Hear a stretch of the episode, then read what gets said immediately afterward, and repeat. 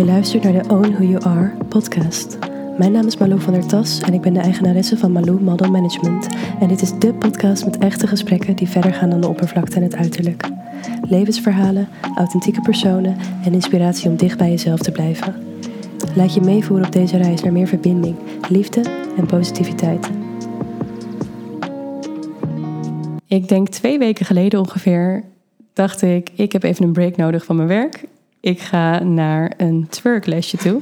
Doe ik wel vaker, maar ja, meestal kom je daar geen bekende tegen. En in dit geval zat ik me om te kleden daar en iemand die stapte de toilet uit en ik dacht, hé, hey, een bekend gezicht.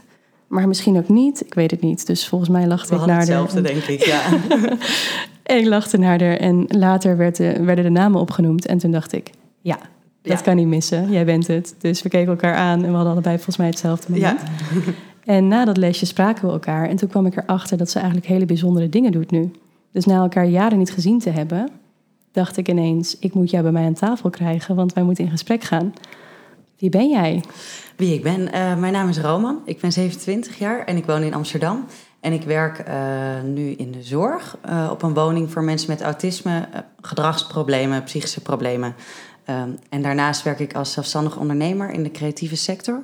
Ik ben stemactrice. Eh, Ja. Ik maak installaties, performance en video-installaties regisseer ik. Ehm, ik presenteer soms en ik ben nu net bezig met een videoproductiebedrijfje opzetten. Het klinkt als een hele mond vol en vooral heel veel gesprekstof. Ja, klopt. Ja. Ik dacht ook, eh, wat mis ik nog? Waarschijnlijk mis ik nog dingen, maar dat Ja. komt allemaal wel aan bod. Ja. Ik denk dat we bij het begin beginnen en gaan Ja. kijken per installatie of per ding wat je doet. Wat het voor jou betekend heeft, waarom je dat bent gaan doen. En ook vooral wat de boodschap erachter is, waar iemand anders misschien wat aan kan hebben die luistert. ja. Hoe begon jij de kant op te gaan van acteren en de kunstkant, die richting? Nou eh, ja, dat is heel grappig, want ik weet eigenlijk niet per se wanneer dat gestart is. Want voor mij was het bijna vanzelfsprekend dat ik dat deed of zo. Ja, Ik was daar al, eigenlijk altijd al wel mee bezig. Op de middelbare school, werkplaats kindergemeenschap in, eh, in Beeldhoven. Daar deden we ook heel veel met theater en dans. We hebben zelfs ook voorstellingen gespeeld in de Schouwburg van Utrecht. Altijd deed ik daar aan mee, helemaal fantastisch. En eigenlijk na de middelbare school was het meer dan normaal dat ik niet meteen een opleiding ging starten, maar dat ik eerst ging ja, me oriënteren zeg maar, in het theaterveld. Ja. veld. En eigenlijk was het meteen bij de eerste training was het meteen raak dat ik dacht, ja, dit is echt wat ik wil. Dit is zo bijzonder of zo. Het gevoel van vliegen als je, als je speelt. Het begon, ja, en, en ik deed op de, op de middelbare school een beetje modellenwerk. Dus dat, dat, dat je op verschillende plekken komt en mensen ontmoet en dingen doet die je anders niet, niet zou doen. Dat sprak me gewoon heel Ja. erg aan. Eh, en toen ben ik uiteindelijk naar eh, de acteerschool gegaan in Rotterdam. Dat was een acteursopleiding en het is toen na het eerste jaar een makersopleiding geworden. en wat maakt het een makersopleiding? Hoe moet ik dat zien? Eh, nou, omdat wij onze projecten zelf gingen, gingen bedenken en maken. Dus je ging, in plaats van dat je alleen acteert in iemands anders werk, speelde je nu bijvoorbeeld of in je eigen werk, of je speelde in het werk van een ander, maar maakte zelf een project en daar speelden weer andere mensen in. Dus het was veel meer eigenlijk, ja, regie zou je kunnen zeggen, maar dat dekt het ook niet helemaal. Want Ja.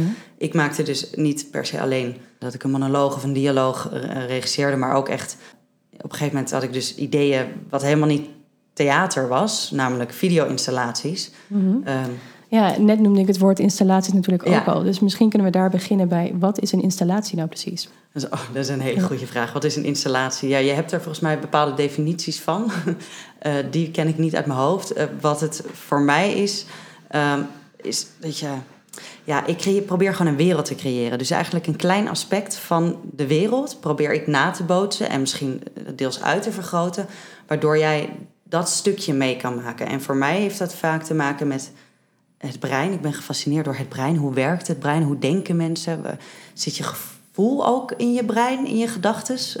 Dus zo probeer ik me altijd te verdiepen in eigenlijk iemand. Ja, dus zo begon het eigenlijk. Mijn eerste video-installatie heette ook Hoofdpijn. Dus nou ja, dat gaat echt over het hoofd.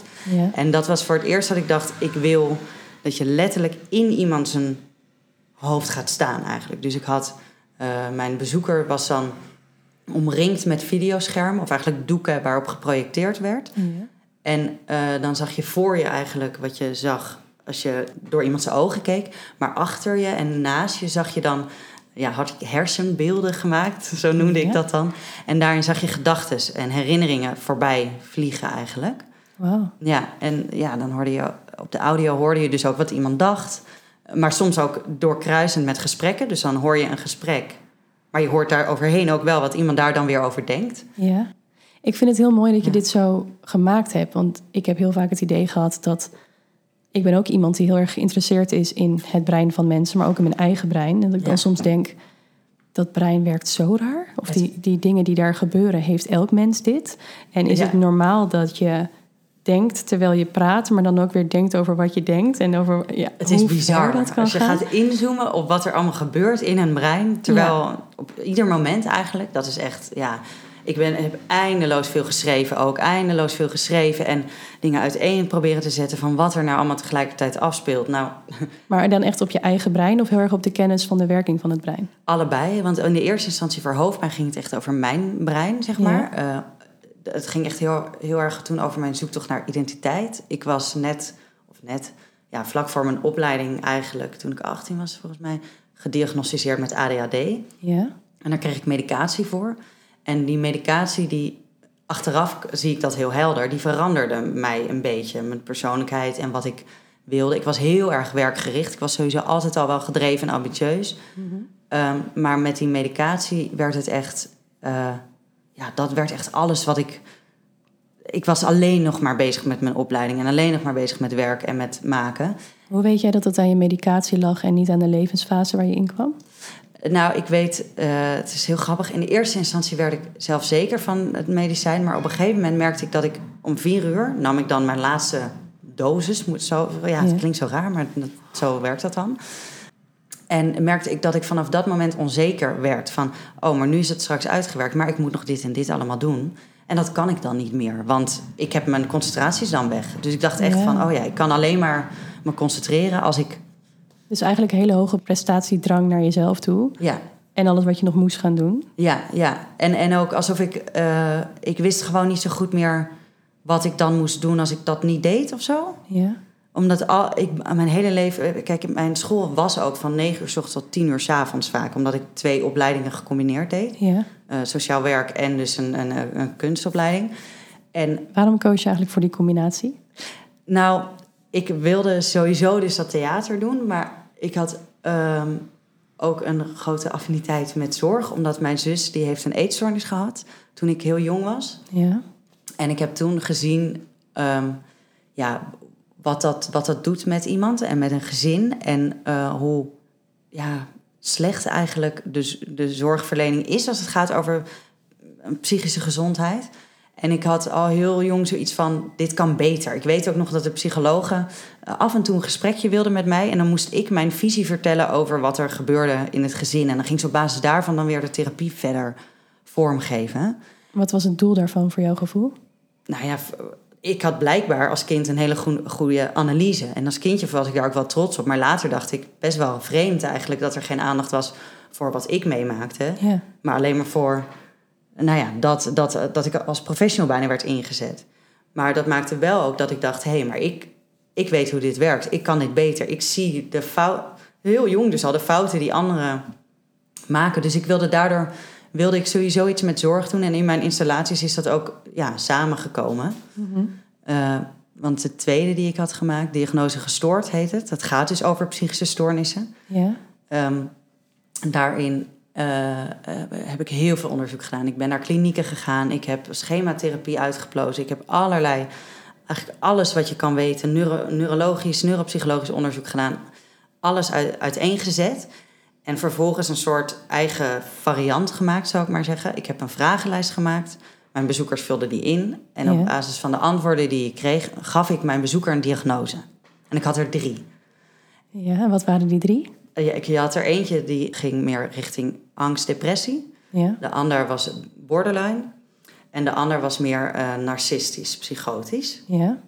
En op basis van nou, die drie categorieën, als ik jou een aantal vragen stel, dan kan ik, eh, en je vertelt, nou, dit zijn gedachten die ik vaker heb, of dit zijn gedachten die ik vaker heb, dan kan ik jou in een categorie plaatsen en dan weet ik enigszins welke gedachten jij nog meer zou kunnen hebben. En stel, die aanleg die je dan hebt, zeg maar, Ja. bouwt zich door, hoe dat er dan uit zou zien. En is dan ook het doel van de installatie geweest om te laten zien dat er bij iedereen eigenlijk wel iets zit of iedereen in die drie onder te verdelen is? Eigenlijk dat, je, dat iedereen zich dus kan herkennen zonder dat ze het weten. Ja. Eh, dat je je kan herkennen in een psychische stoornis. En dat mensen vaak zeggen, of het hebben over een gek. Iemand Mhm. is gek, Ja. dus daarom ook diagnose gestoord. Maar eigenlijk, je weet, Wat zit daaronder en Wat- hoe komt dat? En Precies. hoe herkenbaar is het eigenlijk echt? En in die installatie maakt je dus eigenlijk mee wat je meemaakt eh, als iemand dus van eh, wat we noemen normaal doorbouwt naar hè, dat je het een psychische stoornis noemt. Ja. Maar omdat het start bij gedachten die jij ook hebt, die jij kan herkennen, kan je die lijn opeens volgen. Dus je ziet op die video wat er gebeurt, je hoort die gedachten die iemand Ja. heeft, dat is herkenbaar en dat bouwt zich uit. En er zijn mensen die tot het einde toe dachten, ja maar dit herken ik. Terwijl volgens hè, aan het einde van het verhaal was iemand dus eh, echt wel oh, die grens over van wat we noemen een Ja. psychische stoornis. Maar het is nog steeds herkenbaar, omdat je eens begrijpt waar het vandaan komt.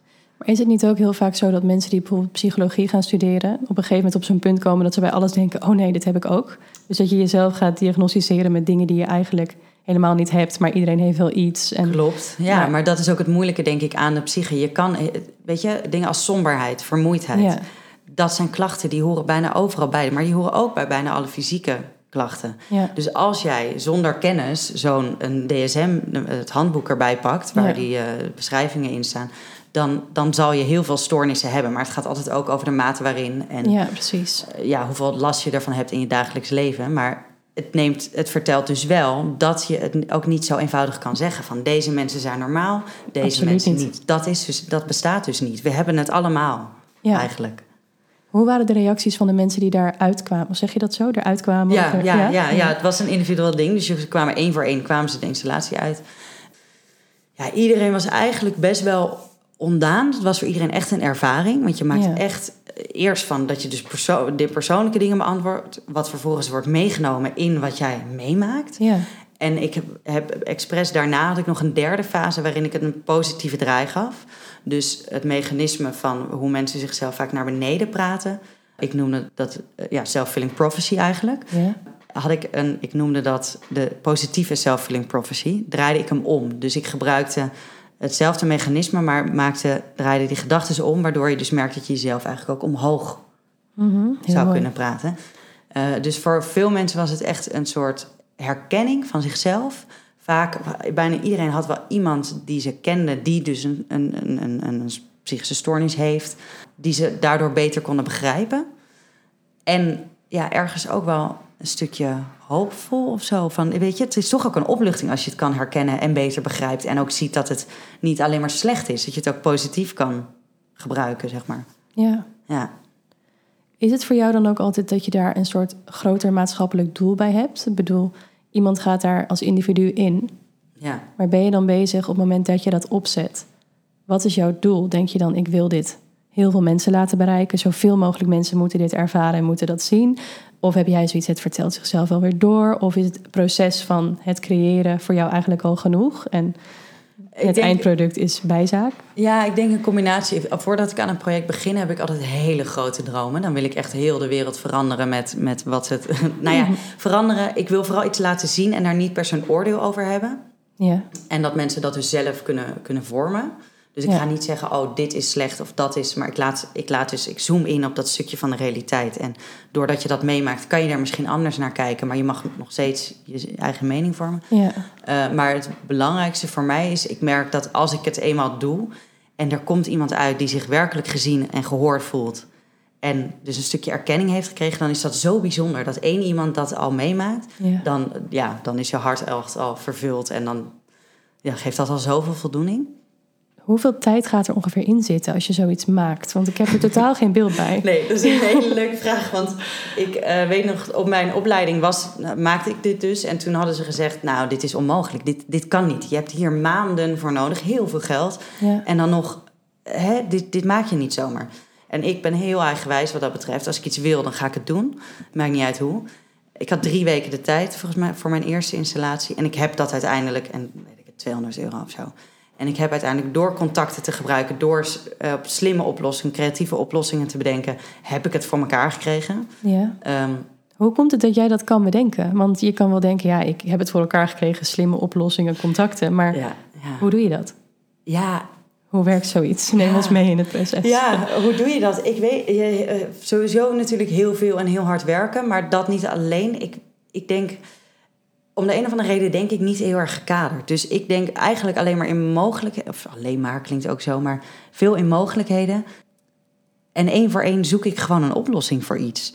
Dus en een hele, soms, soms een leuk voorbeeld misschien, dat zijn hele houtje touwtje oplossingen. Waar ik, ik had vier video's die tegelijkertijd ingestart moeten worden, want anders hapert de totaalervaring, zou ik maar zeggen. Ehm, alleen, ik had verschillende beamers. En de een is, als hij ietsje ouder is dan de ander...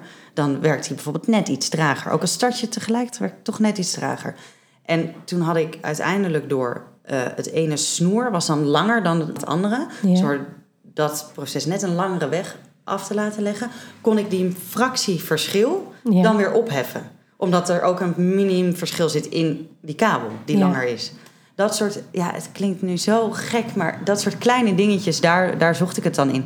En een technicus, ik wist niks van techniek, maar een technicus die zou hier ook niet mee komen. Want dat is gewoon niet de manier hoe je iets oplost natuurlijk. Mhm. Maar juist omdat ik daar niet in thuis was, was ik in staat om denk ik creatief te denken of zo. En dit vind ik een heel mooi punt eigenlijk. Ja. Want dat is ook wat ik heel vaak het idee heb. Dat je door, misschien is het een te kritische opmerking... maar ik heb wel het idee dat het onderwijs hier in Nederland... soms kinderen kleiner houdt of beperkter leert Absoluut, denken... ja. om te functioneren in deze, maatschappij. En het voorbeeld wat jij nu net noemt... is een bepaalde mate van creativiteit waar je anders aan voorbij gaat. Ja, en heel vaak zeggen mensen dat iets niet kan. En denk ik, waarom niet? Hoezo niet? Heb je het geprobeerd? Heb je nog een keer geprobeerd? Heb je drie keer gevraagd waarom? Ehm, Ja, Weet je, er zijn zoveel manieren waarop iets. Je weet pas als, of iets kan als het kan. Tot die tijd weet je alleen maar dat je de manier nog niet hebt gevonden hoe het kan. ja. Dat, ja, ik denk dat dat is hoe, hoe ik denk of zo. Ja. Hoe ervaren mensen om jou heen dat? Ehm, nou ja, de mensen dichtbij die zijn dat wel gewend. Ja, Eh, en ook, het kan heel vermoeiend zijn hoor. Want dan kom ik weer met iets en denk ze: oh nee, oh, waar moeten we nu weer? Hoe gaan we dit doen? en ja, dat. Maar uiteindelijk, ja, als.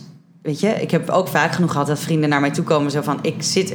Ik heb, ik heb iets, ik weet niet hoe ik het moet oplossen. Kan jij hier niet even over nadenken? Want waarschijnlijk kom je dan wel weer met iets ja. Soms een totaal onrealistische oplossing kan ik ook hebben, maar dat brengt, opent het dan weer, waardoor Ja. de ander weer een idee krijgt en je er toch uitkomt. Ja, dat heb je toch ook vaak nodig als je in een brainstorm sessie zit Precies. bijvoorbeeld. Je hebt die tegenpolen nodig om ergens te komen waar je uiteindelijk in het midden Precies. elkaar kan vinden en waar de oplossing ligt. Ja, en ik heb dus wel iemand nodig die mij af en toe weer terugtrekt naar de realiteit, zou ik maar zeggen. Ja. Omdat ik kom dan met alles is mogelijk in mijn hoofd, maar Dat lijkt me dus zo heerlijk. Hè? Kijk, ik Ja. kan soms wel in een soort van fantasiewereld leven en nou ja, voor Ja. mezelf dan. ja, Maar ik kan nog best wel van die beperkende gedachten hebben of denken van ja, maar ja, daar moet je toch dit voor hebben of dat kan niet alleen of wat en wat ook. voor dingen heb je dat bij?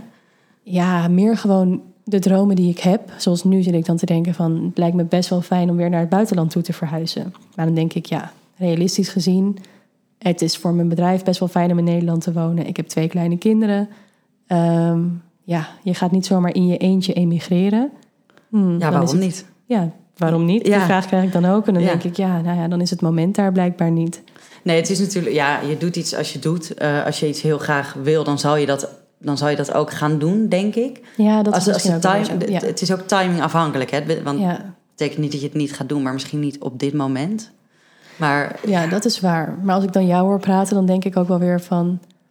Het inspireert wel om gewoon overal te kijken wat wel kijk, kan. vaak heb je dingen uitgezocht, bijvoorbeeld al. Wat, Nee. en dat ja. remt je vaak. Want je merkt dat je, als je kennis op gaat doen, dan zie je daardoor wel wat er wel kan. Dat er mogelijkheden zijn. Want Ja. vaak heb- denk je het al vast voordat je eigenlijk hebt gekeken wat er kan. Terwijl stel je zegt, nou, ik weet niet of ik het ga doen. Maakt niet uit, het is niet interessant eigenlijk of ik het ga doen. Maar laat ik gewoon voor het gedachte-experiment en voor mijn eigen fantasie eens uitzoeken. Wat, moet, wat zou ik eigenlijk moeten doen? Wat komt er eigenlijk bij kijken? Is het inderdaad zo moeilijk als ik denk? Misschien is het veel moeilijker. Kan. En wil je het daardoor misschien niet eens meer? Of misschien blijkt dat als je alles naast elkaar zet, dat het eigenlijk zo te regelen is. Je weet, want je Ja, weet het niet. precies. Je moet het eigenlijk gaan doen om te weten. ja. Ja, En eigenlijk weet je dat al, dat er een soort van angst op zit. Als je dan het excuus gaat gebruiken van... ja, maar waar vind je de tijd om dat uit te zoeken? Op het moment dat je dat niet meteen gaat doen... dan heeft het geen prioriteit. Ja, Nee, klopt. Ja, zo werkt het ook. Ja. Maar ik hoor je nu dus eigenlijk praten over allerlei dingen waarin jij hele goede oplossingen kan vinden, creativiteit. En dan Mm. hoor ik daarvoor dat je zegt het label ADHD. Ja. wat je ook hebt gekregen. Nu heb ik het idee dat die dingen heel erg samengaan en dat dat ook een soort kracht is wat daarin kan zitten. Absoluut, ik denk zeker. Maar toch wordt het ook geremd, denk ik, in bepaalde mate door medicatie. Ja, daar ben ik gelukkig mee gestopt hoor. Maar... Ja, hoe heb jij dat ervaren en waarom gebruik je dat nu niet meer? Nou, ik, het heeft me in de eerste instantie heel veel geboden, omdat ik dingen waarvan ik dacht dat ik het, nou, dacht dat ik het wel kon, maar het lukte niet, doordat ik concentratie miste eigenlijk, lukte daardoor wel. Dus het heeft me in de eerste instantie echt wel het gevoel gegeven van zie je wel, ik kan dit wel. Ja, Maar uiteindelijk remt het je creativiteit. Dus op een gegeven moment merkte ik ook. Mijn, mijn, ik ben er heel slecht in begeleid. De, de, de arts die zei ook: Nou ja, je moet maar een beetje proberen. Dan meer, dan minder, dan een dag niet. Dat werkte echt niet. Ik ben Nee. er is ook geen vinger aan de pols gehouden. Dus dat was ja, een heel. eh, dat is ook weer een heel verhaal. Maar ik merk dat ik op een gegeven moment dacht: Oké, als ik iets moet bedenken, dan neem ik ze niet. Maar als ik het moet uitvoeren, dan heb ik het wel nodig. Ik heb, nou ja, wat ik net ook zei, ik heb iemand Ja. naast me nodig die mij uit de wolken trekt en zegt: Oké, maar nu gaan we het praktisch vertalen naar hoe doe je dit dan? ja. Nou ja, maar met die medicatie kon ik het eigenlijk beide rollen zelf vervullen, zou ik maar zeggen. Wat heeft er dan toch voor gezorgd dat je daarmee stopt? Want het klinkt best aantrekkelijk dat je alle rollen zelf kan vervullen en Eigenlijk, niemand ja, meer als ik het zo vertel, is het echt een soort... eh, nee, ja, omdat ik toch heel veel bijwerkingen ervan had. Ik ben eerst heel veel afgevallen, echt niet leuk veel. Eh, daarna ehm, aangekomen. Het, is, het heeft zoveel bijwerkingen. Het heeft ook op somberheid heeft het invloed gehad. Het is... Ja, het, ik voelde gewoon... Het, ik had het gevoel dat de keuzes die ik maakte ook niet helemaal meer van mezelf waren. En alsof ik geen... Ik, ik ervoor gewoon eigenlijk alleen nog maar plezier in werken. Terwijl ik was veel meer dan dat. Ja, Ehm, en eh, ik sliep ook heel slecht erdoor. Ik sliep soms vier uur per nacht. Nou, heel fijn, want dan kan je, heb je meer uren in een dag om te werken. Maar het is gezond. Het was gewoon niet gezond. nee. En dat maakte dat ik uiteindelijk dacht... Ik, ik wil ook het gevoel hebben dat ik het echt zelf doe. Want op een gegeven moment werd ik dus onzeker van de medicatie. Zo van, Ja. zonder die medicatie kan ik het niet meer. Ja. En dat wilde ik niet meer. Ik wilde gewoon dan maar minder van elkaar krijgen. Maar dat ik het zelf zonder hulpmiddel had gedaan. ja. Ja, dat is eigenlijk de grootste reden geweest, denk ik. Ik wil Knap het echt je- zelf doen. Ja, maar ook knap dat je dat wel doorziet. Want ik denk dat heel veel mensen gewoon in die rush blijven zitten. Want daar zit je eigenlijk in. Je krijgt heel veel gedaan. Waarschijnlijk ook waardering voor wat je allemaal gedaan krijgt. Ja, ja maar ik, eh, die rush heb ik op zich wel een aantal jaar in gezeten. Maar je hoort ook van mensen om je heen, hoor je, hoor je dingen van... nou ja, is dit eigenlijk wel goed voor je? Eh, ik merkte dat als ik het niet nam op een gegeven moment... kon ik bijna alleen nog maar slapen. Want ik was zo moe. Omdat het pusht jou echt... eh, ik heb meerdere mensen gehoord om mij heen... die bijvoorbeeld in een burn-out zijn beland... en die dat echt wijden aan die medicatie. Omdat het je zo... Het pusht je niet alleen om dingen te doen... het zorgt ook dat je niet kan stoppen. Dus ik... Weet je, ik was bijna verslaafd aan werken geraakt. Kun je dan daardoor ook bijna niet meer bij je gevoel? Of staat dat er weer los van? Ja, dat, dat was wel aan de hand. Denk ik denk achteraf dat ik toen gaf ik om heel veel dingen gaf ik niet zoveel. Bijvoorbeeld relaties dacht ik, ja, kan mij het schelen. Dat maakte me echt helemaal niet uit. Eh, maar dat, ja, daar lag mijn prioriteit, daar lag mijn aandacht gewoon niet. Nee. En heb jij een heel groot verschil ervaren toen je bent gestopt... op wat je voor elkaar hebt gekregen en wat je gecreëerd hebt? Eh, ja, als het gaat over de veelheid wel. Niet per se over de kwaliteit, maar de veelheid is gewoon ligt stukken lager. Alleen de manier van leven van mij is nu zo, ben ik zoveel blijer en gelukkiger mee en zoveel gezonder. En het heeft voor mij nu ook zoveel meer waarde om dan, al is het één keer in het jaar iets goeds te produceren, dan Ja. dat je iedere maand iets neerzet eh, wat, wat, wat enorm veel werk heeft gekost en waar je iedere keer net niet aan onderdoor gaat. En ja, dat is, het, dat is het ook niet waard. Kijk, je wil iets maken om de wereld mooier te maken, maar je wil niet jezelf daarmee kapot maken. Nee. Dus het is wel een soort motivatie voor jou om de wereld mooier te willen maken. Zeker, absoluut. Ik zou absoluut, ik wil, als je mij of mijn projecten tegenkomt, dat de wereld beter wordt en niet slechter. Nee. Ja. ja. Maar was dat toen jij jong was ook al een doel wat je had?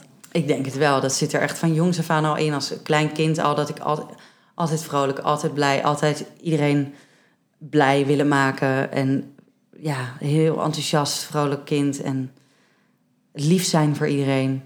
Ja, dat zit er altijd wel in, ja. Ja, Wel moeilijk dan denk ik ook dat je dat merkt, zoals je vertelde in je gezin, ja. dat het met je zusje niet goed ging. Ehm, ja, dat jij daar dan natuurlijk misschien ook wel dat verantwoordelijkheidsgevoel in gaat voelen. Van hoe kan ik ervoor zorgen dat iedereen wel blij is en het wel goed gaat met iedereen. Zeker, ja, maar dat, was, dat was ook heel erg mijn rol in het gezin. Dat ik dacht, als zolang ik blij en vrolijk blijf en met mij is er niks aan de hand, dan, ja, dan is het goed of zo. Ja. En pas later, ik heb in die tijd ook niet zoveel last gehad van dat het, of ja, niet veel last, dat is dus niet waar. Maar pas later merkte ik ook, hey, het heeft mij ook wat gedaan. Ik heb ook verdriet gehad, maar Ja. ik overschaduwde dat dan met, met blijheid. En, en ja, ja. En dat zit, er, ja, dat zit er gewoon in. Helpt het jou in het werk wat je maakt? Eh, op welke manier? Nou ja, de dingen die je mee hebt gemaakt en de manier waarop je in het leven staat. Nou ja, het, ja, het, helpt me, het, het- het helpt me sowieso in eh, mijn motivatie, zeg maar. Het is Ja. echt voor mij een motivatie eh, om dingen anders te doen en beter te doen. En ehm, ook om niet in stigma's bijvoorbeeld te denken. Dat, dat is, nou ja, dat komt met ehm, eh, diagnose gestoord, die installatie heel erg naar voren. Maar uiteindelijk, direct na mijn opleiding, werd ik gevraagd door, eh door Hello Goortjes. Dat is een tijdschrift voor en door mannen met HIV. Ja, En ze hebben mij gevraagd om toen voor de Wereld AIDS Conferentie een, een installatie te maken over het stigma op HIV. En nou had ik daar in de eerste instantie in mijn leven eh, met die thematiek nog geen, was ik nog niet mee in aanraking geweest. Maar omdat ik heel erg herken vanuit wat ik bij mijn zus heb gezien en eh, wat ik heb meegemaakt, eh, herken ik heel erg een, een stigma op iemand. En wat dat met iemand kan doen, dat het ook zelf stigma kan veroorzaken. Ook bij mij met mijn ADHD, dat je dan jezelf bijna gaat stigmatiseren. ja precies. En daardoor had ik direct, voelde ik dat het echt dat het iets was wat dus bij me paste, dat project. Ja. En ben ik dat dus aangegaan. En heb ik uiteindelijk natuurlijk heel, met heel veel mensen gesproken die daar een, een verhaal over hebben verteld om die installatie te kunnen maken. Maar ja, in die zin helpt het me, helpt het me zeker. Wat een bijzonder project ook, maar heel zwaar lijkt mij. Want het is mooi dat je daar dat in kan gaan creëren en bewustzijn creëert, maar met al die mensen in gesprek gaan. Want je was ook in gesprek met mensen die zelf HIV hebben. Ja, ja, ja, heel veel. Ja. Nou, ik, ik vond dat dus niet per se heel zwaar. Want het mooie is, het, het, het was vooral interessant. Ik, een zwaar heeft een negatieve lading erg in mijn hoofd dan. Ja, dat kan ik me voorstellen. Ja. Maar eh, ehm, het lijkt me meer emotioneel belastend misschien voor jezelf, maar het kan je ook heel veel voldoening geven. Ja, natuurlijk. het is Dus bijna- een invulling. het, is, ja. nou, het is bijna eerder hoopgevend of, of, of eh, geruststellend of eh, eh, vrolijk werd ik ervan. Ik heb zoveel Ja? mensen ontmoet die eigenlijk... Kijk, als je hoort dat je HIV hebt, er zou bijna niemand vrolijk op reageren. Nee. Maar de, eigenlijk iedereen, bijna iedereen die ik sprak, die zei: Ik zou het niet meer niet willen hebben. Ik, het heeft mij zoveel gebracht. Kun Dat je ik- hier iets meer voorbeelden van? Ja. Want ik heb, als Ja. ik dit hoor, dan denk ik... het lijkt voor mij nu, als je die diagnose krijgt, Ja. zou ik denken... En nu? Ja, ja. Maar dat, dat komt ook omdat het natuurlijk... Kijk, voor HIV is een medicijn en dat werkt gewoon heel goed. Eh, daardoor, als je nu HIV hebt en je neemt je medicatie... dan is er eigenlijk... Je, je bent niet besmettelijk, je hebt geen last, je, je kan niet ziek worden daarvan. Wat de grootste last is, is het stigma. Dat mensen dus denken, ah, je hebt HIV, misschien moet ik uit je buurt blijven. Ja. Ja, dat, dat vinden mensen toch een beetje eng. Of er zijn er nog steeds verhalen van mensen dat ze bij de tandarts komen en dat hij zegt: Ja, ik weet dat je je medicatie gebruikt, maar toch trek ik mijn handschoentjes aan. Terwijl diegene is. Ja. Dat is niet, het staat nergens op. Het is niet nodig. Ik vind het dan eigenlijk wel heel goed dat je dit ook nu benoemt. Want ik wist dit ook niet. Nee, ik dacht echt, ja, met mij waarschijnlijk heel veel... op het moment dat je dat hebt... dan moet je je hele leven extreem voorzichtig zijn... ja, ja. om niet dat verder te verspreiden eigenlijk. Maar dat is dus helemaal niet zo. Dat is, niet, dat is niet zo. Je hebt nu, als je nu je medicatie gebruikt, dan hoe ze dat uitleggen, is niet meetbaar, is niet overdraagbaar. Ja, Dus nou ja, stel iemand heeft HIV en gebruikt die medicatie, dan gaan ze meten in je bloed. Kunnen wij eh, het, nog, het virus nog meten? Is dat niet het geval, dan weten ze dus ook zeker dat het niet over te dragen is. Het is eigenlijk heel simpel. Jij, 's ochtends poets jij je tanden en je neemt die pil in. ja. En er is niks aan de hand. En alleen als je tegen iemand zegt, ik heb HIV, wat, er dan, wat voor reacties je dan krijgt. Nou ja, dat vraag ik me dus ook af. Want jij hebt natuurlijk die mensen dan gesproken. Ik zou ook wel graag eens zo iemand willen spreken. Omdat ik gewoon heel erg gefascineerd ben door dat stuk van...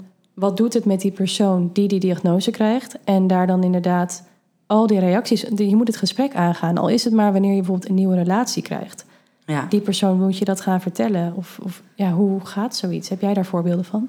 Of je het dan dat- iemand vertelt? Als ja, je... of ze het wel vertellen, of ze het voor zichzelf houden, of het een soort van schaamte gaat Kijk, worden. Of... De meeste mensen vertellen het uiteindelijk wel, want en dat snap ik ook. Het, kijk, het, het, het doet zoveel met jouw leven als je dat te horen krijgt en dan het proces waar je dan ingaat en de vooroordelen die je zelf ook hebt. Want daar hoor ik ook heel veel mensen over dat ze zelf vol zaten met alle oordelen. Ja. En dan krijg je zelf de diagnose en dan, ja, dan heb je opeens die oordelen ook over jezelf, terwijl jij jezelf Mhm. wel begrijpt of zo. Dus ja. dat, Bijzonder is dat ook. Hè? Dat is dus eigenlijk altijd wat er gebeurt. Als je zelf ineens iets overkomt, dan denk je... Ja. wow, wat heb ik altijd geoordeeld. Ja, en ook meegenomen, heel, het beeld is heel snel dat het eh, bijvoorbeeld homoseksuele mannen vooral HIV hebben. Maar dat, dat hoeft helemaal niet zo te zijn. Er zijn ook, ook in Nederland heel veel kinderen die het bijvoorbeeld overgedragen hebben gekregen van hun moeder. Ja. Of van een, weet je, er is een verhaal, f- nou, er zijn verschillende verhalen waarop meiden het ook door, bij, door hun eerste seksuele ervaring bijvoorbeeld. En eh, terwijl ze Oh, nog van niks wow. wisten en die jongen Ja. ofwel loog ofwel het zelf ook niet wist. Weet je, dus het kan, in die zin kan het iedereen overkomen. En is het heel snel het idee bij HIV, dan zal jij wel onverstandig zijn geweest, onveilige seks hebben gehad. En Ja. dan zal het wel jouw schuld zijn. Terwijl hoe vaak zeg je bijvoorbeeld ook tegen een heteroseksuele man, als hij vertelt dat hij onveilige seks heeft gehad, wordt er dan gezegd, nou, dat is echt een slecht idee. Nee, dat, dat is dan, ja, tuurlijk, want anders neemt het gevoel weg. Dat begrijpen we allemaal. Maar zodra je er iets aan over hebt gehaald, is het opeens Eigen schuld. Eigen en- schuld. Ja, ja. en dan ben je, eh, nou ja, de, alle labels en stigma's en dat je vies zou zijn of dat er verzin het allemaal zo gek, dat komt dan voorbij. En eh, ja, en daar heb je dan maar mee te dealen. Wat heb je daaruit gehaald? Wat heb je daarin willen laten zien? Nou, daarin maakte je dus. Het was op de Wereld AIDS Conferentie, dus er waren heel veel eh, doktoren die, die in congressen met elkaar het gesprek aangingen over de nieuwste onderzoeken omtrent HIV en AIDS. Ja. Ehm, en eh, veel van die doktoren die gingen dan door deze installatie. En eigenlijk wat er gebeurde, ze werden in de andere positie geplaatst. Dus er stond in de eh, eerste ruimte stond er een acteur, die was de dokter en jij Ja. was de patiënt. En die ging met jou de vragen doornemen. Dus bijvoorbeeld, heb jij wel eens onveilige seks gehad? Nou, er zijn, zo zijn er van een aantal van die vragen en er is bijna altijd wel, heeft iemand een antwoord waarop je uiteindelijk kan zeggen, nou dan is het dus misschien jouw schuld. Hè? Het is getheatraliseerd Ja, en uitvergroot natuurlijk wat er dan in de realiteit gebeurt. Al weet ik niet of het altijd uitvergroot was. Vervolgens eh, kom je in de volgende ruimte terecht... waarin je dus alle stigma's, alle lelijke dingen... die ik dus verzameld heb in die gesprekken met mensen... alle vooroordelen die ze zelf hebben, die ze van mensen hebben gehoord... waarvan ze bang zijn dat, die, dat mensen dat over hen hebben... die werden eigenlijk op jou af, afgevuurd, zeg maar. Dus daar stond je dan in je eentje in die donkere ruimte... Ook weer met beeld, geluid, alles. Ja. Ja. Ja, en vervolgens ging je door een soort opening en ja, kwam er een soort van licht en gekleurde ruimte waar iemand stond die dus ervaringsdeskundige was, iemand dus met HIV, Ja. en die dan eh, zijn hand aanbood, zeg maar, en dan jou meenam in zijn of haar verhaal. En hoe eh, voor diegene zijn ervaring, ja, HIV eigenlijk zijn of haar leven dus beter heeft gemaakt. En het mooie was dat er dus doktoren dit mee hebben gemaakt en die echt met tranen in hun ogen eruit zijn gekomen en zeiden: Ik heb al 25 jaar lang heb ik, eh, mensen deze diagnose verteld. Ja. Maar ik heb me nog nooit gerealiseerd hoe het was om aan de andere kant van de tafel te zitten. En hoe heftig dat is. En waar je daarna doorheen moet gaan. En, Ja. En natuurlijk Maar ook. hoe kan het dat iemand zich dat niet heeft gerealiseerd, vraag ik me dan af. Nou ja, je stelt het je misschien voor. Ja, Ook dat ook doet niet iedereen. Maar hè, sommigen zullen het zich misschien voorstellen. Maar het is echt heel anders om dat er mensen live, persoonlijk op basis weer van de informatie die ze van jou hebben, hun vooroordelen op jou af gaan vuren. ja. Dat je dat meemaakt, hoe dat is. En dat je denkt, ja, maar ik heb niks gedaan en toch word je beoordeeld. Ja, dat is, eh, dat is heel intens. En daar hebben deze mensen dagelijks mee te maken. Heb jij van die doktoren later nog gesproken? Of zij anders in hun werk zijn gaan staan of anders zijn gaan handelen? Ja, we hebben eigenlijk met iedereen wel een nagesprek gevoerd. Dat was vaak voor de mensen zelf ook wel nodig, zeg maar. Ja? Hoe En- lang daarna was dat? Eh, dat lag er een beetje aan. Sommigen wilden direct daarna napraten. Eh sommigen kwamen later nog terug. Veel stuurden ook andere mensen weer erop af en kwamen dan zelf nog hun verhaal doen. En er waren ook altijd nou ja, de makers en ervaringsdeskundigen aanwezig. Ja. Met wie je ook kon praten. Overigens wil ik erbij zeggen, niet alle acteurs waren ervaringsdeskundigen. En dat was bewust. Ik heb expres ook niet gezegd wie wel, wie niet. Omdat dat dus niet relevant is. Ja. Want het maakt dus niet uit of diegene het werkelijk heeft of niet. Want het Ja. is hetzelfde. Je kan, iedereen, je kan gewoon met iedereen praten en Ja. aanraken. Daar is niks aan de hand. En dat, daarom wilde ik dat eh, ja, dat dat juist onderscheid juist is. niet maken. Ja. Ik weet wel één man, die is een, eh, hij is een Amerikaanse man, die heeft zelf HIV en die schrijft blogs. En die, ik, nou ja, die heeft daar toen uiteindelijk nog een artikel over geschreven dat hij in een fase van de installatie zegt de dokter: herhaal wat ik zeg. En dan zeg je je naam en dan heeft HIV. Dus bijvoorbeeld Roman heeft HIV. En toen vertelde deze man dat hij, het voor hem heel bijzonder was om dat te doen, omdat hij altijd op afstand erover praatte. Ja. Van niet ik heb HIV of niet hè, zijn naam en dan heeft HIV, maar altijd op een, op een afstand. En dat hij voor het eerst in nou ja, 15 jaar heeft hij dan dat virus echt het dus over zichzelf eigenlijk heeft gehad. En dat hij dacht van, oh, ik heb het allemaal verwerkt en het proces doorgemaakt en het, het is, eh, ik ben er helemaal, helemaal cool mee. En Ja. toch merkte dat er nog een stukje was wat hij niet eh, had geaccepteerd. En ja, nu dan wel. Ja. Mooi hoor. Ja, ik ben vooral gewoon heel erg onder de indruk van alles wat je hebt gedaan en opgezet al tot nu toe. Dat is iets. Ja, als je er zo in het gesprek zit, dan wil ik alleen maar verder vragen en denken van, oh ja, en dit dan en wat heb je nog meer gedaan? Maar even de stap terug is al het feit dat je dit überhaupt doet. Ik bedoel, het is een heel bijzondere baan. Of ja, ik Ja, het een is baan. een Het is een- bijzondere, ja. waarin jij Ja. gewoon bepaalde mensen een bewustzijn meeneemt en eh, ja, een hele ervaring biedt, waardoor ze daar weer Ja, anders naar gaan kijken, Gekke, of juist- Het gekke is ook, weet je, het is niet zo alsof er een vraag is naar installaties. Dat mensen denken, nou, er moet hier een installatie over komen. Maar toch heb je dan, kom ik op een gegeven moment iets of iemand tegen... of ontmoet ik dus een organisatie en denk je opeens... hé, maar wacht, dit moet, dit moet er zijn. En Ja. merk je dus ook hoe fijn het is en hoe belangrijk het is... dat je af en toe in de schoenen van een ander kan staan... of in het hoofd van een ander kan kruipen. En dat je even iemand anders een verhaal meemaakt... maar daar altijd dus een stukje van jouw persoonlijkheid er ook in terug te herkennen is... en wat dat nou ja, dat het zo waardevol is om dat, om dat mee te maken en om dat Ja. te doen. Ja, want toen ik jou sprak, toen even kort dat moment, toen dacht ik al, hoe bijzonder dat je elke keer weer helemaal in een andere wereld kan duiken. Want jij vertelde ook dat je dus alle kennis erover opdoet, dat je volop aan het studeren gaat en je weet er dan even alles van. Ja. En het is jouw hele wereld bijna alsof je het zelf ook Ja. ervaart. Nou ja, dat moet je wel doen Nou ja, om ik- een ervaring te kunnen bieden. Maar- Precies, toen ik de, de... Ik heb zelf de audio ook ingesproken van de psychische stoornissen. Dus ik heb toen op een gegeven moment... Dat is het acteerstukje dan weer, wat daar weer bij komt kijken... heb ik me echt zo ingelezen in... eh, kijk, ik lees diagnoses en ik lees de DSM... ehm, en ik ga naar kliniek en spreek psychiaters. Maar ik ga Ja. bijvoorbeeld ook op fora kijken. Wat eh, zeggen mensen zelf erover? Hoe... ehm, want het is namelijk niet interessant, vind ik, om alleen de wetenschappelijke kant Nee. te doen. Ik heb, oh ja, dat klinkt heel raar misschien, maar ik heb ook een keer op van die websites waar je in gesprek kan gaan als je anoniem wilt chatten. Ben ik dus in die rol van iemand met borderline bijvoorbeeld gaan chatten en een situatie gaan bespreken met een psycholoog om te gaan voelen waar zit dat dan? Hoe is dat dan? En hoe reageer ik dan als ik. En vanuit daar ben ik uiteindelijk die gedachten ook gaan inspreken. Dus zo ja, Ja. probeer ik me dan wel inderdaad helemaal daarin. eh, Hoe kan het dat jij je zo kan inleven? Ik weet niet. Ik denk dat het gewoon een hele oprechte interesse is of zo. Ik ben echt heel benieuwd hoe dat werkt. En ik denk, wat, waar we het eerder ook over hadden, dat als je echt je openstelt en kwetsbaar durft te zijn, dat je altijd het kan herkennen ergens ook. Er is altijd een stukje waarvan jij. Weet je, je, je kan mij niet vertellen dat jij nooit hebt gehad dat je je heel boos of verdrietig voelde en dat mensen vonden dat je overdreven was daarin. Ja, zeker wel. Ja. Nou ja, als je borderline hebt, is dat aan de eh, lopende band. Vinden mensen jou continu overdreven en je moet je niet aanstellen dat je nu weer zo extreem boos of zo. Weet je, dat is even een heel makkelijk Ja, voorbeeld, ja. maar dat is wat er, hoe het voor iemand met borderline kan voelen. Dat je de hele tijd wordt je niet serieus genomen, want je zal wel weer overdreven zijn. Het zal wel weer te extreem zijn wat je hebt, maar je voelt het wel echt. En dat kan je herkennen. Dus als je daarin gaat zitten, dan kan je je opeens verplaatsen in iemand die dat heeft.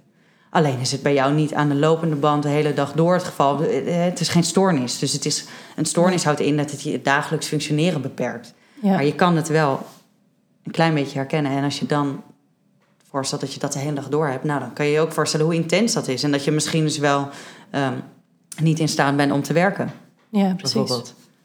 Dus ook een onderliggend doel is eigenlijk dat jij wil zorgen dat mensen elkaar wat beter begrijpen. Ja, elkaar beter begrijpen en ook elkaar minder afwijzen op dit, op dit soort dingen. Ja, Eh, Want je, ja. ja, ik denk als je op het moment dat we open en eerlijk kunnen zijn over je krachten en je zwaktes, dan kunnen veel meer mensen op hun juiste plek gezet worden. Ook als het, nou ja, waar ik nu aan moet denken, eh, als het gaat over autisme. Ik werk Ja. nu dus eh, ook parttime dan met, met eh, jongvolwassenen met autisme. Onder andere. Kijk, eh, autisme wordt ook heel vaak gezien als echt een handicap. Terwijl het is.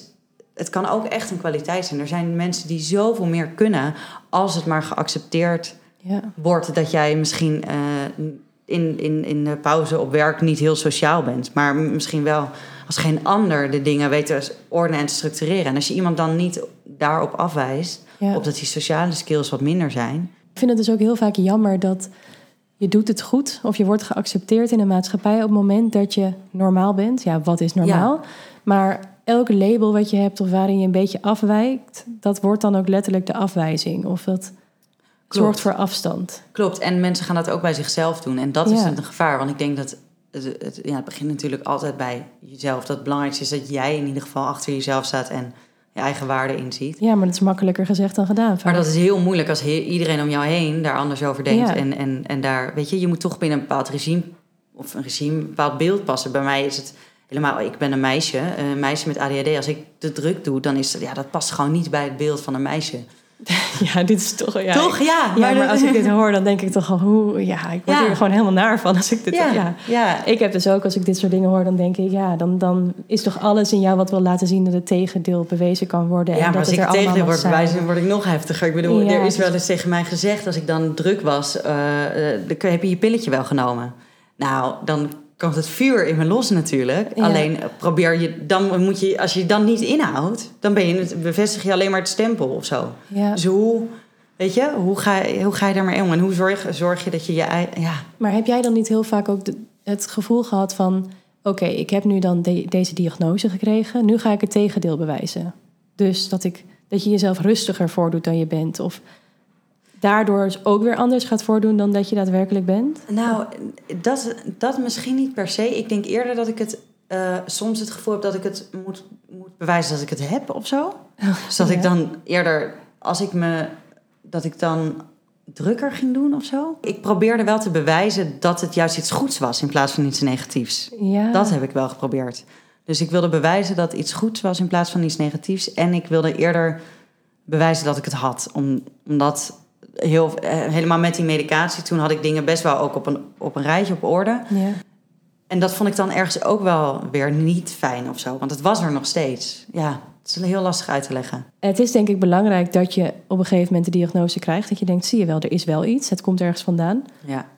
Maar ik hoor net ook dat je dan dat een soort van moet gaan bewijzen... of op een bepaalde manier vorm moet geven in je leven. Het is heel ingewikkeld wat betreft diagnoses. Want ehm, ik denk dat we twee kanten op kunnen gaan. Je kan, we, de DSM is heel erg uitgebreid tegenwoordig. Er staan eh, heel veel stoornissen in. Eh, het worden er alleen maar meer. Ja, En er zijn mensen die vinden dat dat te veel is. Dat je ook gewoon hè, afwijkend moet kunnen zijn zonder direct een stoornis te hebben. ja precies. Maar wat ik eigenlijk denk is misschien wat tegenovergestelde. Dat we er nog veel meer moeten hebben. Zodat straks iedereen misschien wel zes diagnoses heeft.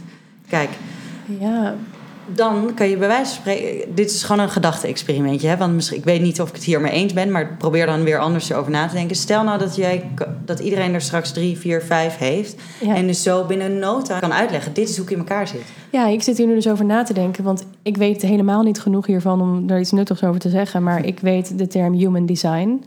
Of ehm, nou ja, persoonlijkheidstesten, wat dan ook. Precies. Je hebt allerlei van die dingen die worden toegepast om jezelf beter te leren kennen. Of om te kijken of je bij een baan past. Of wat voor Ja. persoon jij bent. Eigenlijk klinkt het dan een beetje alsof je dit daarin kan integreren. Waardoor je veel meer een pakketje kan krijgen van... hé, hey, die persoon is dit. Eh, Ja. Maar ja, dan, dat vind ik dus ook weer een beetje moeilijker. Want ik zit ook hier nu over te filosoferen van hoe zou dit daadwerkelijk... Kijk, als je, je in de maatschappij Mensen werken. zijn bijvoorbeeld eh, lang of klein. En dan Ja. kan je ergens bij of je kan ergens niet bij. Misschien heb jij psychisch iets wat je ergens wel of niet bij kan. Eh, bijvoorbeeld bij een emotie kunnen. Of Ja, bij zo. een, Ja. eh, ergens je op kunnen concentreren. Dat zijn dingen die je wel of niet kan. Misschien op basis van hoe jouw hoofd werkt. ja. Fysiek is het allemaal heel simpel. Eh, stel, je hebt een arm gebroken. Ja, dan, dan kan je die niet gebruiken. ja, precies. Heel simpel en dat is geaccepteerd. Ja. Maar wat nou als we dit met het... Inderdaad, iedereen wil zichzelf leren kennen en zichzelf ontdekken. Weten hoe zit je in elkaar, persoonlijkheid testen. Ja. Worden ook dan categorieën aangegeven. Je kan het natuurlijk ook allemaal zo ver doorvoeren... waardoor het niet meer zo is dat je mensen hebt met een stoornis... en mensen zonder stoornis. Maar ieder- misschien moeten we het woord stoornis ook weghalen. Ja, Maar dat we- in, ja. Ja, maar dat we gewoon maken... iedereen heeft dus een aantal categorieën waar, waar die in zit. Dus dat je hem in één woord bij wijze van spreken kan zeggen... zo'n soort werker ben ik. Ja. Je kan het nooit natuurlijk allemaal in dit soort hokjes vatten... maar dat proberen we als mensen de hele tijd. En Ik dat zullen we denk toch dat doen. Ja. Ja. nu je dit zo zegt, denk ik ook dat daar misschien wel de oplossing, als het al opgelost moet worden, Ja. maar dat daar wel de kern in zit dat jij wil die stigma's er natuurlijk afhalen en je wil laten zien dat je uiteindelijk ook met HIV of ook met weet ik, weet ik wat Ja, je dan ook ja, hebt, ja. niet onderdoet voor een normaal mens. Want Nee. dat normale mens is helemaal niet normaal, want die heeft ook dan misschien Die wel heeft 20 het, labels. misschien heeft hij er wel meer, maar weet hij het alleen maar niet. Ja, en dan daardoor zorg je uiteindelijk maar dat er voor iedereen veel meer plek komt. Ja, En iedereen zich veel meer welkom voelt en compleet kan voelen. Omdat je allemaal wel wat hebt en daarin veel meer je plek kan vinden wat echt bij je past. Ja, en jezelf ook makkelijker misschien kan uitleggen. Natuurlijk ben je uiteindelijk altijd meer weer dan dat ene stempeltje. Dus stel, Ja. je, hè, je zegt ik ben Roman en ik heb deze stempels. Dan nog moet je mij wel leren kennen. Maar je hebt dan meteen wel een richting gegeven of zo. Ja, en ik denk dat als je die stempels... Nu hebben die stempels dus ook een negatief gevoel erbij. Omdat ze... De een heeft ze, de ander niet. Ja, en op het moment dat je dat weghaalt... dan is het denk ik eerder die verrijking van... Net als dat je nu... Dat het goed is als je kan zeggen wie jij bent... of wat je krachten zijn en wat Ja. je valkuilen zijn. En ja, dat je daarmee beter kan werken bijvoorbeeld. Of een eh, betere relatie aan kan gaan. Precies, ja. dat dit daar ook allemaal bij mag gaan horen. Dat je weet van, nou ja, omdat ik dit en dat heb, moet ik op deze manier op mijn voeding letten. Of moet ik op deze manier mijn dagen invullen. Precies. En dan haal je alles uit jezelf. Maar dat is eigenlijk uiteindelijk maar zelfkennis en heel dicht bij jezelf kunnen staan. Exact. En wat wel ook belangrijk is, dit kan ook nog veranderen natuurlijk. Hè? Want een mens en een, een persoonlijkheid is fluïde. Je, je blijft nooit helemaal hetzelfde. Dus het is ook zo, als kind werk je misschien op die manier. Dus je zou bijna kunnen zeggen, iedere, iedere vijf jaar moet iedereen gewoon een check-up doen van hoe, hoe sta jij nu weer in het leven? Ja, Welke labeltjes passen nog wel, welke niet of zo. En dan ja, eh, ja, Ja. dat je iedereen ook een beetje met die zelfontwikkeling bezig blijft. En met hoe deal je met emoties. Daarin kan je ook groeien bijvoorbeeld. Dus, ja, ik vind het wel een heel, heel interessant iets. Omdat ik merk bij mezelf dat ik vaak best wel anti-diagnoses kan zijn. Omdat ik dan denk, ja, je gaat jezelf op een gegeven moment beperken. Of het is ook makkelijk om je te verschuilen achter de diagnose. Dat hoor je natuurlijk ook wel eens vaker van... ja. Ehm, bij jongeren zie je dat ook wel, die al heel jong bijvoorbeeld een veel te laag schooladvies hebben gekregen. En ze kunnen veel meer. Mhm. Maar dan toch daardoor al beperkt worden, maar ook nog eens zelf gaan geloven van ja, maar ik heb maar dit en dat gedaan, dus ik kan dat niet. En dan ergens comfortabel worden in dat niet kunnen, dus niet meer dan dat uit het leven hoeven halen. ja. Je hebt natuurlijk uitzonderingen die Nou, juist gemotiveerd worden en alles willen. En ja, meer maar en ik denk zien, ook, maar- weet je, de diagnose ga je niet meer weghalen. Dus moeten we dan iets aan het omdraaien en kijken of je er op een positieve manier weer gebruik van kan maken. Dus, Ja, want het gaat niet meer weg. Dus we kunnen dan maar beter, kunnen we dan ook iets anders ermee. Namelijk er meer van maken en zorgen dat het voor ons gaat werken in plaats van tegen ons. En stel dat je bijvoorbeeld zegt, nou, ik ben, als het gaat over schoolniveau. ja. Ik doe MBO, maar mijn IQ is 120 en ik heb ADHD of ADD, ik zeg maar wat, of autisme. ja, Dan heb je in één keer helder, ah, oké, dus jij hebt een denkniveau wat hier zit, maar je zit op dit schoolniveau, misschien wel omdat je last hebt van deze of deze eh, ja, stoornis, om het nu maar even Ja. zo te noemen. En dan schept dat meteen een veel completer beeld dan wanneer je alleen zegt, ik doe MBO. Ja, maar, absoluut. maar iets. eh, Want er wordt heel vaak gezegd van ja, iedereen heeft achtergrondinformatie en het komt allemaal misschien wel ergens vandaan. Alleen de manier waarop dat opgepakt wordt, of door de overheid of door de zorg, is Ja. heel vaak best wel via één vaste protocol. Hoe zie jij dat dan? Hoe zou dat dan daarin beter kunnen? Nou, weet je, alles is gewoon heel erg in te erg. Eigenlijk in dus die kaders, maar te beperkte kaders. Dus het gaat nu alleen over schoolniveau. Maar er wordt niet gekeken naar. Eh, voelt, eh, wat gebeurt er allemaal nog meer in het leven van een, van een kind als hij een CITO-toets maakt? En is Ja. hij wel op dat moment in staat om hè, überhaupt na te denken? Je weet niet wat er thuis allemaal afspeelt. En ik, we zijn sowieso ook heel erg bezig met die exacte vakken bijvoorbeeld. Terwijl misschien heeft iemand wel voelt, heeft iemand het gevoel dat hij heel veel dingen niet kan, omdat hij niet mee kan in het re- reguliere schoolsysteem. Terwijl hij heel veel talent heeft voor van alles, Ja. waar op, op school geen plek voor is.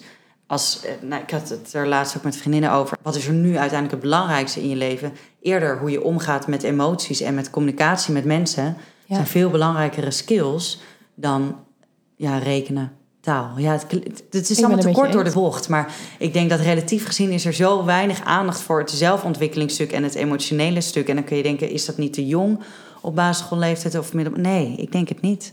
Ik geloof zeker dat het nooit te jong is. Nee. Dus dat, dat en kan je dat bij jouw kinderen herkennen? Zie je daarin iets? eh?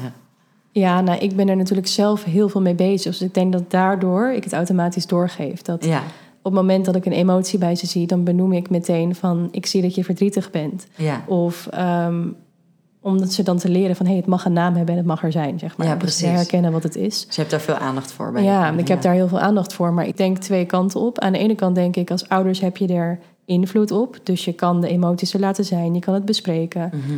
Je kan het op allerlei manieren faciliteren. Maar aan de andere kant is een kind ook het kind wat het is. En kan Ja. het kind dus inderdaad ook autisme hebben of wat dan ook. En dan ben jij misschien niet de perfecte ouder die kan geven wat dat kind nodig heeft. Dus dat is ook wel weer iets waarvan ik denk, het blijft ook lastig. Omdat je- je het nooit goed kan doen. Want het zit echt in iemand zelf. En dat is wel... Maar je gaat Ja. het ook niet, nooit perfect doen en dat hoeft dus ook helemaal niet. Dat mag er denk Nee. ik ook af, dat, dat, hele, dat alles perfect Ja. moet. Maar dat is misschien ook die blokkade die er zit op de zorg of op het onderwijs. Dat er, er zijn zoveel meningen over hoe het dan wel zou moeten. Dus het is blijkbaar allemaal niet perfect. Maar zie het maar eens wel perfect te doen. Dat, is, dat blokkeert ook, denk ik. Ja, alleen in mij al bijvoorbeeld in mijn opvoeding, als ik alles Ja. perfect zou willen doen. Jij bijvoorbeeld ook Ja. in jouw zorg Ja. of in jouw rol. Als jij een installatie perfect moet maken, dan begin je misschien al niet eens. Dan, zou ik hem niet, dan had ik ze nooit afgemaakt. Nee, er zijn nu, als ik ze nu weer zou doen, en daar denk ik vaak genoeg over na, dat ik denk, oh, zal ik het weer, zal ik de- dezelfde weer doen, maar dan beter. Ja, Nou, dat, dat wil ik zeker ook wel gaan doen in de toekomst. Maar wat me soms stopt, is inderdaad dat ik denk dat ik dan perfectionisme bij komt kijken. ja. Ook Eh. omdat je dan al zegt, maar dan beter. Dat hoor ik je nu meteen Precies, zeggen. ja, dat is meteen. Ja, Ja, maar wat is dan beter? ja, soms dacht ik, misschien moet ik helemaal niks veranderen en het gewoon nog, nog een keer doen. Ja, Want, weet je, ja, de, de, de ervaringen die mensen hebben gehad was precies wat ik wilde. Dus waarom moet het eigenlijk anders en beter? Mhm. Misschien is dat dus helemaal niet nodig. Ja, Nee, dat denk ik dan eigenlijk ja. niet. Als ik ja, ja. ja, grappig is. Ja. Dus je kan ze eigenlijk gewoon weer opnieuw doen. ja. Ja, als je groot mag dromen, wat, wat zou je hiermee willen gaan doen? Mijn, mijn droom zou echt zijn dat ik inmiddels dus dat, dat ik zoveel installaties heb gemaakt dat mensen ook zien dat het dus werkt en goed is. Ja. En dat ik echt op aanvraag installaties mag maken. Dus dat iemand bij wijze van spreken zegt: Mijn kind heeft eh, nou ja, autisme, om maar iets te noemen.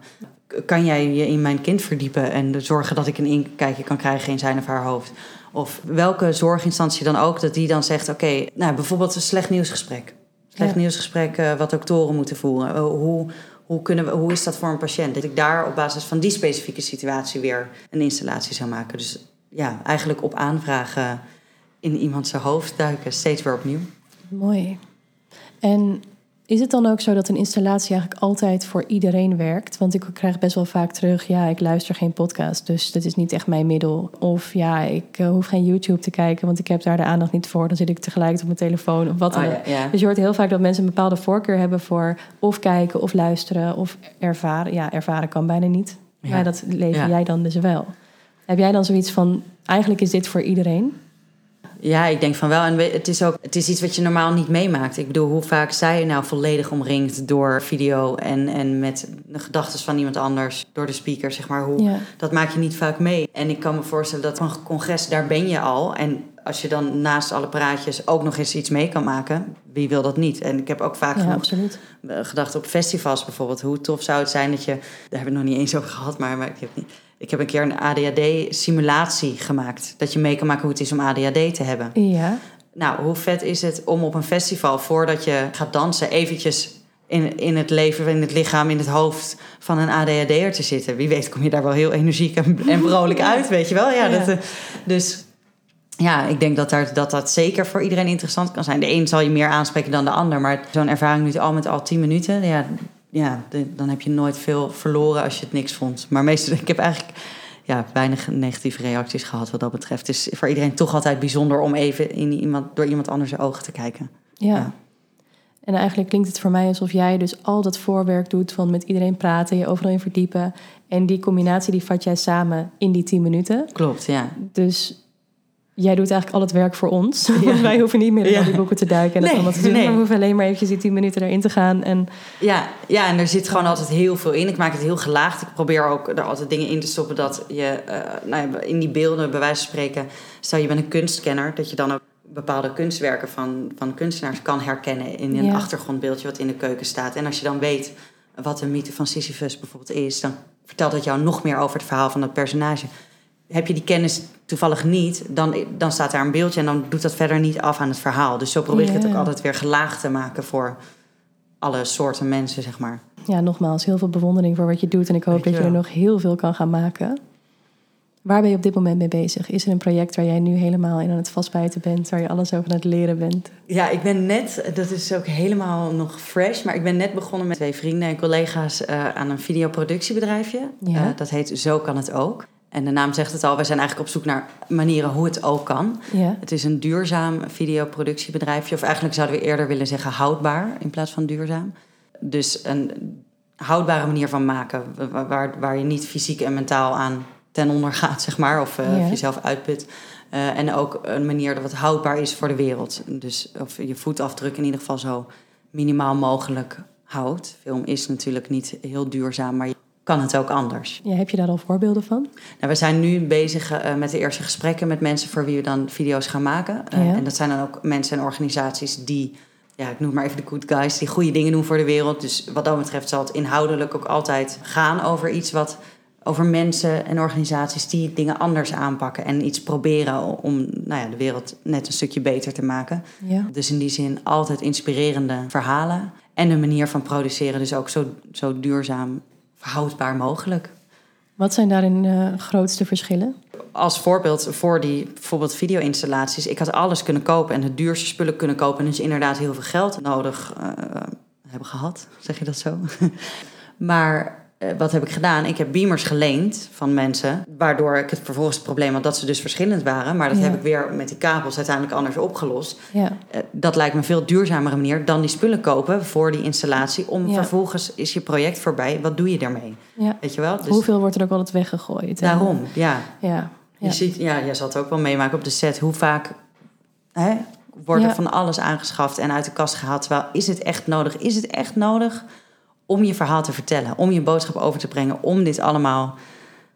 Tuurlijk moeten er altijd spullen van en mensen van locatie naar locatie en is dat niet duurzaam. Maar je kan, je, ik probeer altijd te vragen drie keer waarom minimaal. Kan dit ook anders? Ja. Uh, en dus ook de mensen op te zoeken die daarin. Mooi dat je die drie keer waarom ook zegt. Want ja. dat, uh, dat is iets wat ik ook heel vaak wel probeer al is het maar bij mensen in mijn omgeving, als er iets is of zo. Gewoon steeds nog iets meer tot die kern te komen. Waarom? Waarom? waarom? En dan, dan merk je dat het zo'n ander verhaal is dan wanneer je bij de eerste keer was gebleven. Precies. En het is ook echt niet zo dat wij met zo kan het ook alles in één keer goed zullen doen. Het zal gegarandeerd zo zijn dat er mensen komen die een aanvulling hebben op wat wij doen en zeggen, maar dit kan ook zo. Of dus zo kan het misschien beter. Maar daar zijn we juist ook naar op zoek. Ja, want je wil blijven leren. En anders dan kun je ook niet duurzamer en vernieuwender. Tuurlijk. Maar we werken vanuit dat ideaal en, en niet vanuit het gemak van, uh, nou ja, laten we het maar gewoon doen zoals iedereen het doet. Nee, we willen gaan kijken, kan dit ook anders? Ja. Mooi. Ja. Heel veel succes daarmee. Dankjewel. Is er nog iets wat je verder wilt delen waar we het nog niet over hebben gehad?